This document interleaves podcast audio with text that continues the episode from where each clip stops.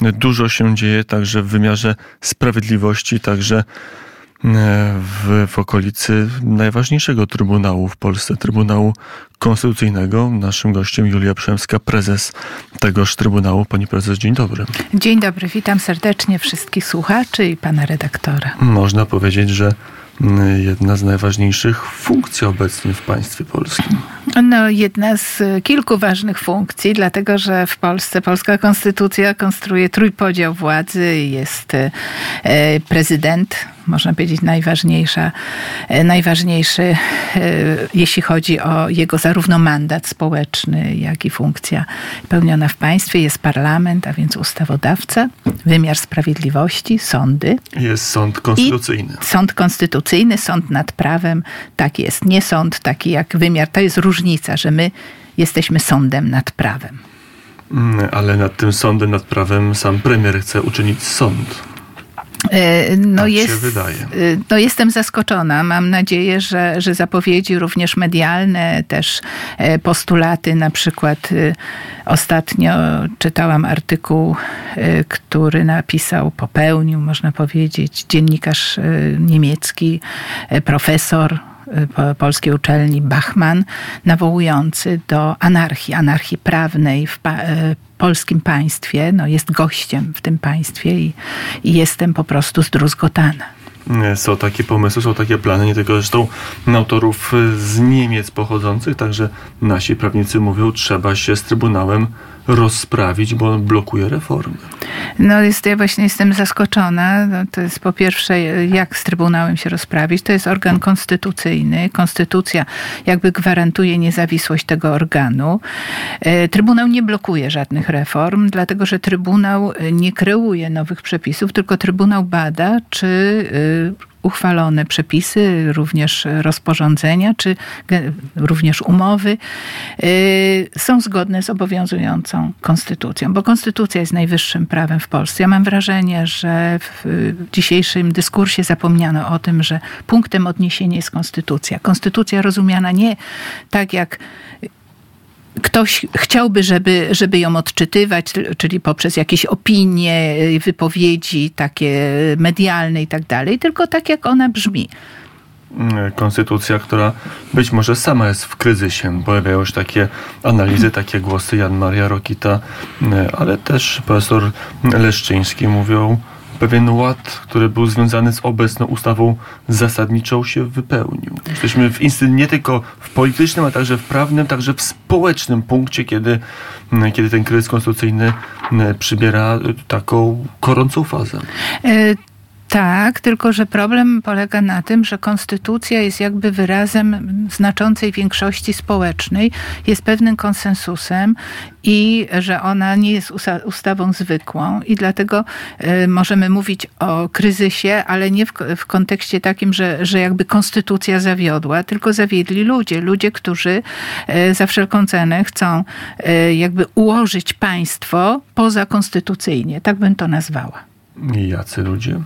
No ci, którzy mają instrumenty, którzy rządzą, bo którzy mają większość y, y, sejmową, a więc jakby te ta część e, społeczeństwa, która otrzymała mandat i która postanowiła tak sobie ułożyć, e, nie chce jakby legalnymi, legalną drogą, zgodnie z obowiązującą konstytucją, zgodnie z obowiązującym prawem w Polsce, czyli ustawami i tak dalej, tylko można powiedzieć szybko i, i zdecydowanie. No to nie przystoi, w, kiedy odwołujemy się do, do demokracji. Żyjemy w demokratycznym państwie prawnym i nie ma takiej możliwości. Nie można tłumaczyć, że coś gdzieś ktoś źle zrobił, w związku z tym my mamy prawo do tego, żeby iść po prostu wbrew obowiązującemu prawu. Nie, wszystko można e, zmieniać, ale zmieniać zgodnie z obowiązującym w Polsce prawem. Rozpocząłem naszą rozmowę od tego, hmm, tego licznika rządzenia Donalda Tuska. Trzecim rząd tego polityka liczy 7 tygodni i wiele osób mówi, że w kryzysie te 7 tygodni wprowadziło nas w kryzys państwowy. To już nie jest kryzys polityczny, już nie jest spór kompetencyjny, to jest istotny kryzys całego państwa. No tak W to... takim momencie się spotykamy, pani prezes? Myślę, że tak. Myślę, że tak. No w sytuacji, w której nie uznaje się orzeczeń, kiedy kiedy operujemy, kiedy mamy jakby y, prawo zastępowane jest poprzez opinię. Ja rozumiem i cenię opinie różnych profesorów. Każdy ma różny pogląd. To, że proszę spojrzeć wyroki Trybunału Konstytucyjnego, mimo że zarzuca się, że jest monolitem, nie jest żadnym monolitem. Zapadają większością głosów bardzo często przy zdaniach odrębnych, zdaniach no, bardzo różniących się, ale na tym polega demokracja, że, że, że i na tym polega funkcjonowanie organów kolegialnych, że jest pewna dyskusja, dochodzi się do pewnego konsensusu, ale wszystko musi być funkcjonować w ramach obowiązującego prawa. No i mamy teraz taką sytuację, że, że zapada orzeczenie na przykład Trybunału Konstytucyjnego czy sądu, a na to wy, y, przedstawiane są różne opinie. No, no dla mnie zastanawiające się, zastanawiające jest, y, dlaczego jakby świat nauki doktryna godzi się na coś takiego.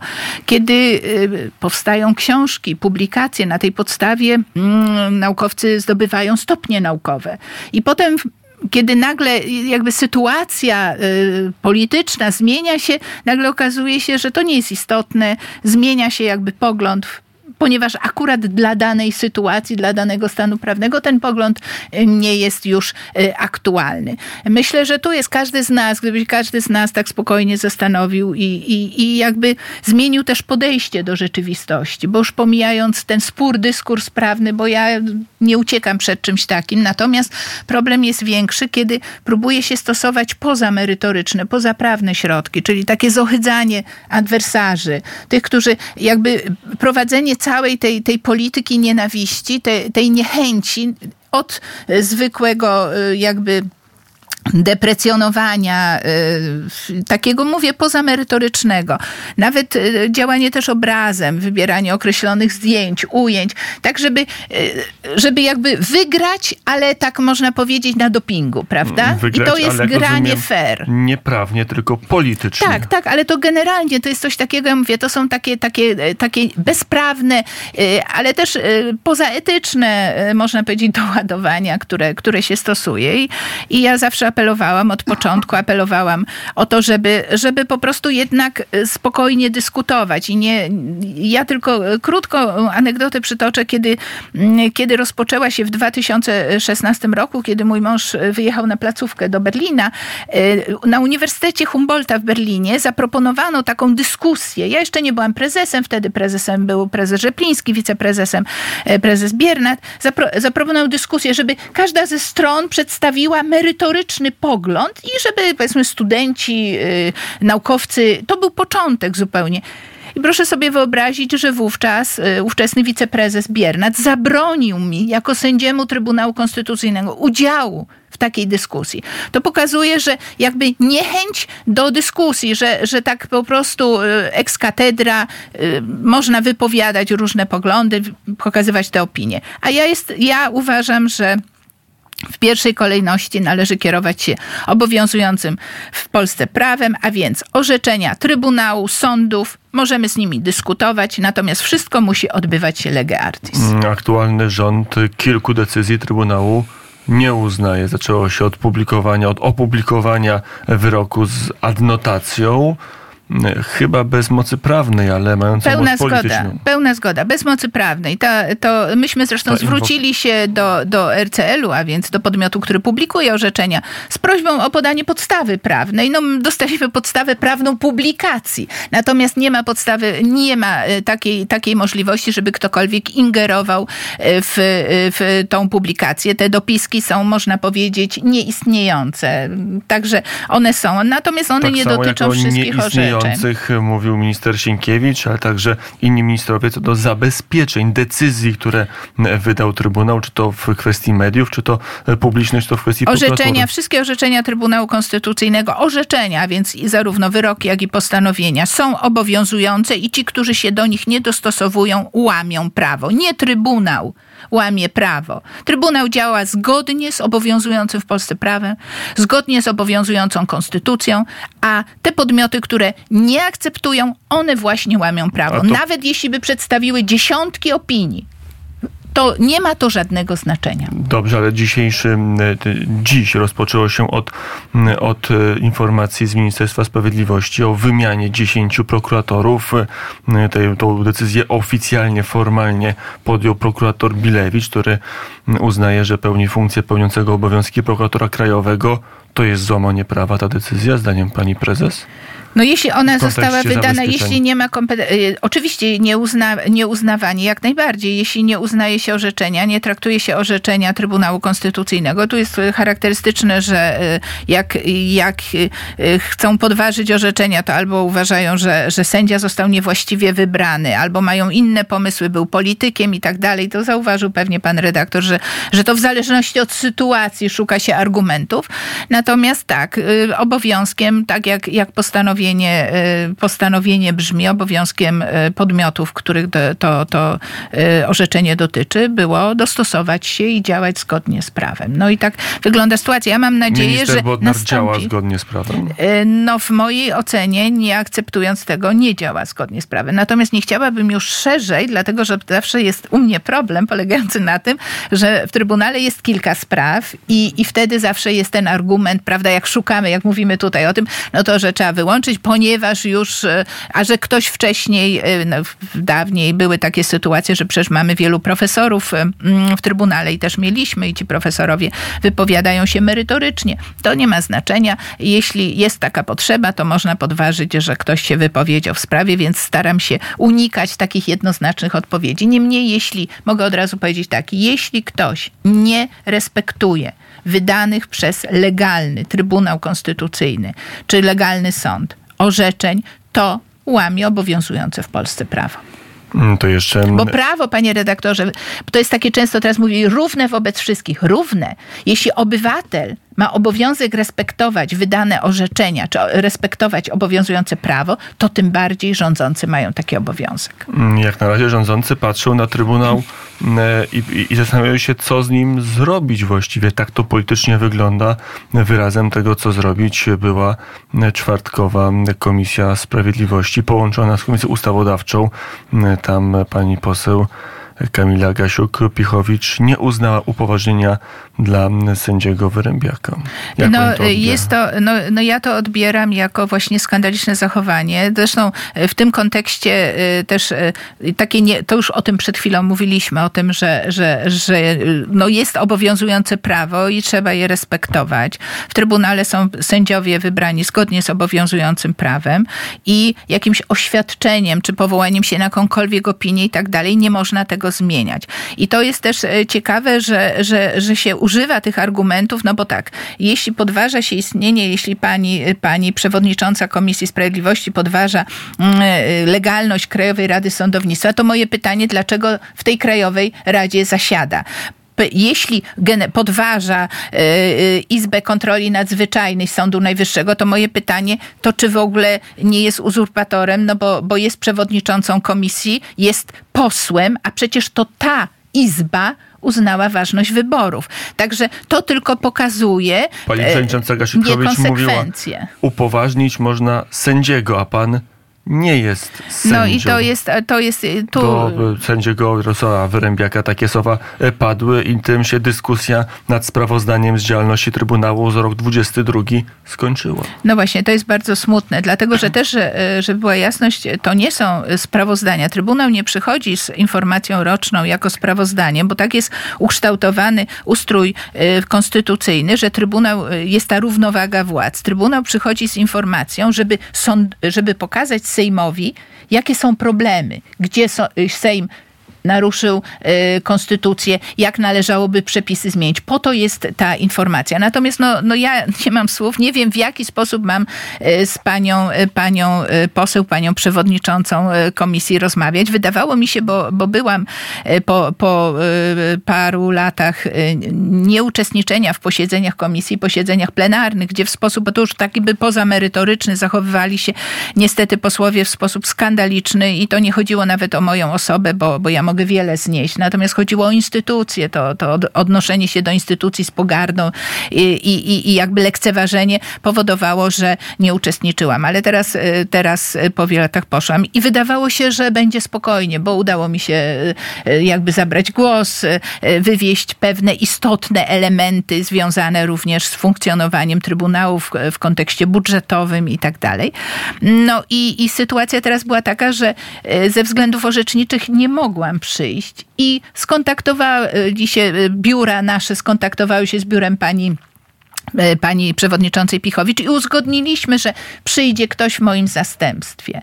No, e, pani, Przyszedł pan sędzia Wrębia, który którego uznała, wszedł, że... Tak, nie jest sędzią, bo jest sędzią dublerem, który wszedł na miejsce sędziego, który wcześniej wszedł na miejsce sędziego, który zdaniem e, opozycji był już sędzią. Więc no, to jest dość daleko idący... Tak, ale to jest tak, że, że teraz nie mamy czasu, żeby to, to wszystko wyjaśnić, tak poszczególnie. Natomiast tutaj, jeśli chodzi o, o kazus sędziego, sędziego Wyrębaka, no to, to sytuacja sytuacja jest taka, że jest on legalnie wybranym sędzią, a osoba, do której mówią, to często też sędzia w różnych wypowiedziach podkreśla, jakby zrezygnowała, nie chciała już być dalej e, tutaj, aspirować do bycia sędzią e, Trybunału Konstytucyjnego i pozostawała sędzią Naczelnego Sądu Administracyjnego. E, poza tym no, no procedura cała, jeśli chodzi o procedurę wyboru, to, to ona nie została, nie została zakończona. Obowiązująca ustawa mówi wyraźnie, że aby zostać sędzią Trybunału Konstytucyjnego, to po pierwsze trzeba być wybranym przez Sejm, po drugie złożyć ślubowanie przed prezydentem, po trzecie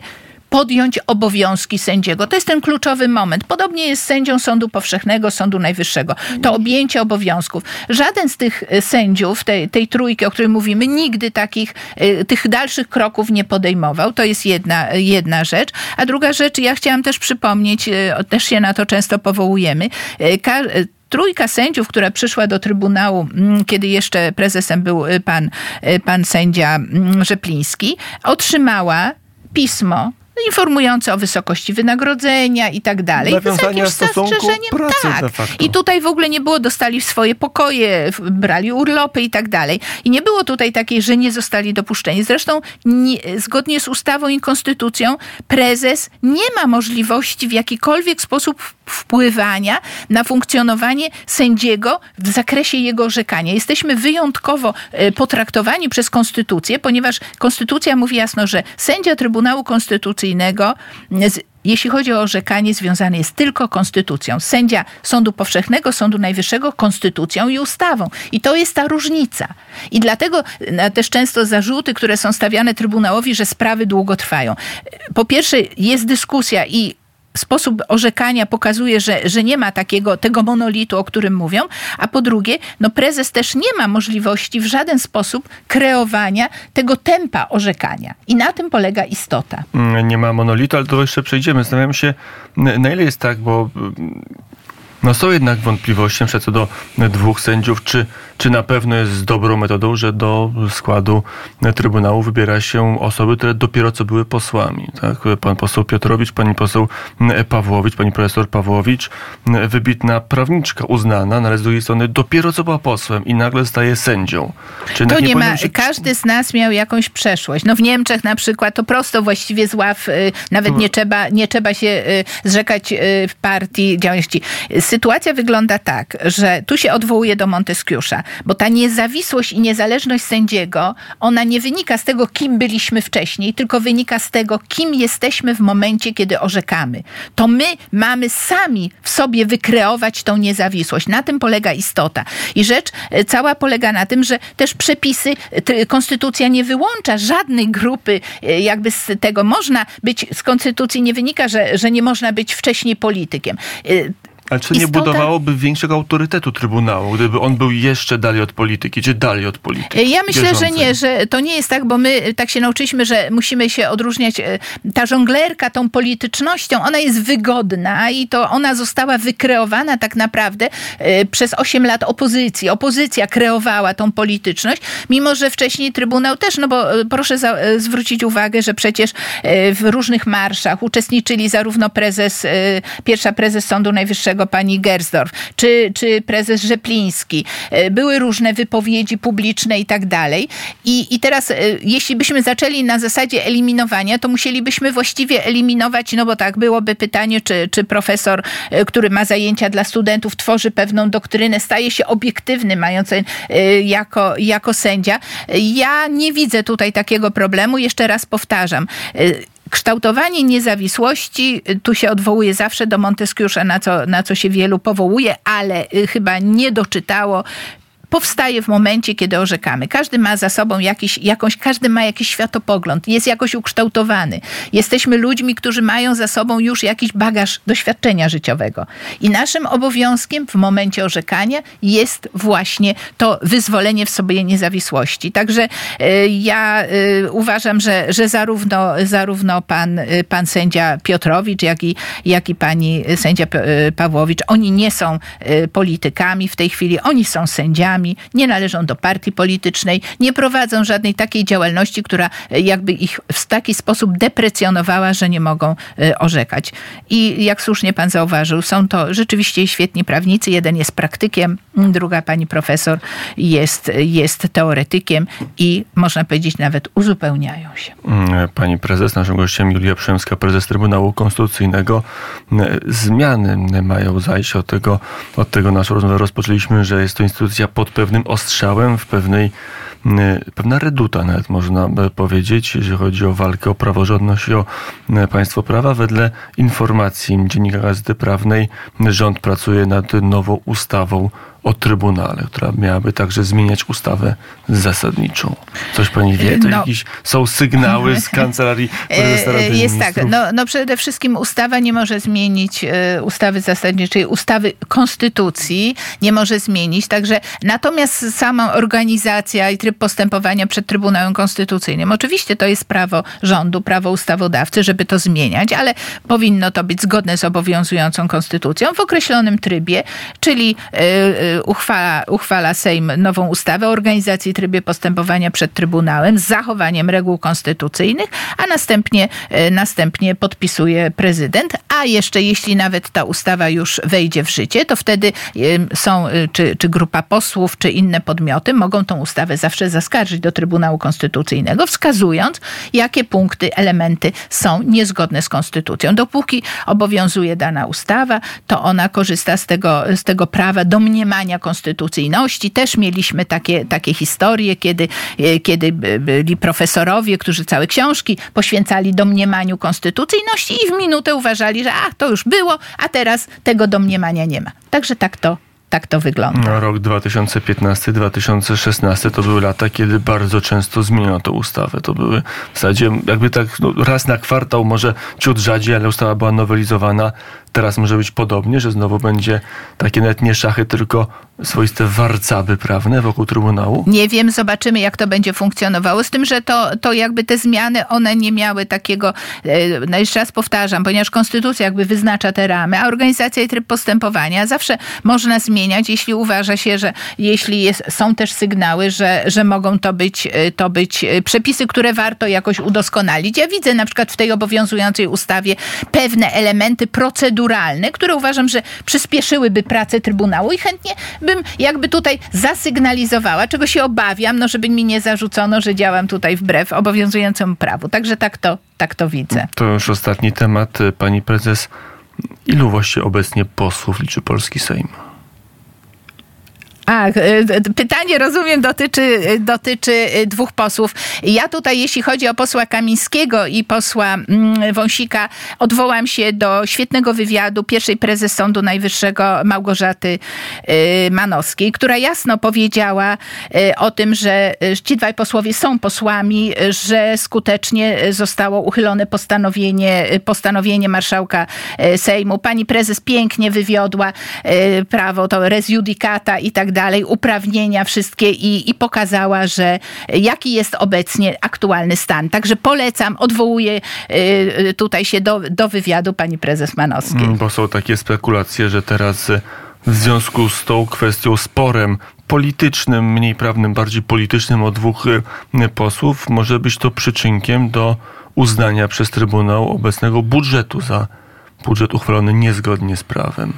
No, I w związku z tym skrócenia kadencji Sejm. Ja myślę, że no mamy teraz ostatnie oświadczenie było jednego z przedstawicieli kancelarii prezydenta, który mówił o tym, że prezydent planuje, planuje jakby podpisanie budżetu. Nie ma jakiegoś spisku, nie ma jakiegoś planu nie, na skrócenie kadencji, jak nie, prasa. Nie, ja myślę, że tak. Ja myślę, że, że to są jakieś takie pomysły. Ja myślę, że, że obecna władza jakby się obawiała tej, tej, tego, tego skrócenia kadencji, dlatego że, że jakby tempo i, i, i sposób, jak szybko, ładnie, elegancko przeprowadzono całą procedurę budżetową, pokazuje z jednej strony, no, że, że jakby obawiano się właśnie tego, że, że mógłby parlament nie dotrzymać terminu, co wiązałoby się z nowymi wyborami w tym akurat tylko przypadku, a jednocześnie i tutaj mogę powiedzieć, też pokazuje, że może gdyby władza tak się, gdyby rządzący, czyli ci, ten ustawodawca zachowywał się tak w innych sprawach, że, że szybko, sprawnie i, i ale zgodnie z obowiązującym w Polsce prawem i zgodnie z obowiązującymi też regułami, bo mamy prawo i mamy pewne reguły, też mamy pewne układy społeczne, które jakby wymagają czy nakładają na nas, na osoby reprezentujące społeczeństwo, na określone zachowanie. I, i, i wracając do tego wcześniejszego pytania, i, i to zachowanie pani przewodniczącej, no w mojej ocenie było skandaliczne i, i wychodziło poza te reguły. Poza już pomijając jakby bezprawne, to, to poza te reguły, reguły takiego, takiego właśnie konsensusu społecznego, który związany jest z szacunkiem do wyborcy, a niekoniecznie z naszą opcją polityczną. A te wszystkie głosy, które płyną nie tylko z kręgów rządowych, z kręgów Kancelarii Prezes Rady Ministrów, czyli Donalda Tuska, ale i Konfederacja, i PSL mówią o potrzebie resetu konstytucyjnego wokół Trybunału. Ja myślę, że to, bo to nie dotyczy tylko generalnie wymiaru sprawiedliwości. Ja myślę, że, że to wynika z tego, że powstał pewien konflikt i, i, i jakby politycy widząc, że ten konflikt jest nierozwiązywalny w drodze zwykłej ustawy, szukają jakiegoś pomysłu, jak problem rozwiązać. No ale reset konstytucyjny jest możliwy tylko wtedy, kiedy znacząca większość społeczeństwa uważa, że konstytucję należy zmienić i wtedy można to dokonać zmian A co konstytucji. pani myśli, jak pani słyszy, no, z różnych, nawet z Pałacu Prezydenckiego był taki wywiad dla Super Expressu, gdzie pan prezydent został zapytany o tą propozycję dość mglistą, no, takie hasło Mhm. Konfederacji, powiedział, jestem otwarty. No tak, bo e, otwartość polega na tym, że możemy dyskutować. Jest pewien problem i nikt nie mówi nad, e, o tym, że, że nie można zmieniać. Nie można też, czy, że nie można zmieniać przepisów. Można, ale zgodnie z obowiązującym aktualnie stanem prawnym. Także oczywiście jest to pewna otwartość, jest to pewien pomysł. Ja tak uważam, że to wynika z pewnego pomysłu, z takiej bezradności, że, że właściwie stro, no, okopali się i, i można powiedzieć, że ci, którzy od już o, ponad 8 lat krytykują i, i, i tutaj y, atakują, nie są w stanie jakby tu transcendować i stanąć na takim stanowisku, że może jakoś się dogadamy, tylko, tylko są, y, są, stają, stają cały czas na, na tym swoim y, bezprawnym stanowisku, no to jest taka propozycja, taki pomysł, to może zmieńmy konstytucję i to umożliwi rozwiązanie problemu. Także ja bym tego nie traktowała Pani negatywnie. prezes z punktu widzenia to jest jakieś rozwiązanie, bo od tego naszą rozmowę też rozpocząłem, od tego, że tego cytatu z Jana Marii Rokity, że mamy taki klincz, że, że ktoś, że, że ta polityka się tak zakleszczyła, że trudno jest to rozwiązać. Zmiana ustawy zasadniczej, reset konstytucyjny. Tak jest. To jest pomysł, zdanie pani prezes? Czy... Moim zdaniem jakiś pomysł jest. Każdy pomysł, który, bo, y, który umożliwia, ale pod warunkiem rozmowy. Jesteśmy rozmową, a więc usiądźmy i rozmawiajmy. I rozmawiajmy jak równi, a nie y, z pozycji takiej, że ktoś jest ważniejszy. Po prostu trzeba usiąść i zastanowić się na tym, jak problem rozwiązać, bo rzeczywiście y, nie możemy y, powodować sytuacji, w których y, społeczeństwo jakby ponosi, ponosi ciężar tego, tego sporu, bo to, to jest jakby ta konsekwencja, nawet jeśli chodzi o Trybunał Konstytucyjny, to jest, można powiedzieć, jedna, no nie aż taka znacząca część, ale proszę pamiętać o tym, że jest olbrzymi konflikt, jeśli chodzi o wymiar sprawiedliwości. Kwestionowani są legalni, powołani przez prezydenta sędziowie. I teraz to nie dotyczy jakichś jednostek. To dotyczy nas wszystkich, bo każdy z nas jakieś sprawy ma, od spadkowych, e, rodzinnych, majątkowych, czy jakichś innych, no Pokarne. choćby kredyty e, pokarne, ale na przykład kredyty, e, czy e, tutaj, e, jeśli chodzi o frankowe, to na przykład, no jak za, wyda orzeczenie jeden, e, będzie wyda, jedno orzeczenie wydane przez sędziego, który jest uznawany przez rząd, a drugi nieuznawany. I teraz pytanie także generalnie jest czas na to, żeby porozmawiać. Jeśli takim pomysłem jest ten reset konstytucyjny, jeśli to będzie na takiej zas- na zasadzie konsensusu, jeszcze raz powtarzam, konsensusu, to jest to pewien pomysł na rozwiązanie problemu. Na koniec, pani prezes, jeżeli Donald Tusk będzie, jeżeli premier Donald Tusk będzie chciał tak działać z Trybunałem, jak działał z mediami, czyli będzie siłowe wejście, co się wtedy Nie stanie? ma możliwości, zgodnie polska konstytucja chroni Trybunał Konstytucyjny i nie można siłowo przejmować konstytucyjnego organu w państwie polskim. Nie wyobraża sobie pani. Nie wyobrażam sobie takiej sytuacji. Oczywiście rzeczywistość może, że tak powiem, przerosnąć moją wyobraźnię, ale ja sobie nie wyobrażam, żeby władza ustawodawcza, władza wykonawcza podniosła rękę na polski wymiar sprawiedliwości i na polski Trybunał Konstytucyjny. Ja tu mówiła Julia Przemska, prezes Trybunału Konstytucyjnego. Pani prezes, dziękuję bardzo za rozmowę. Dziękuję bardzo.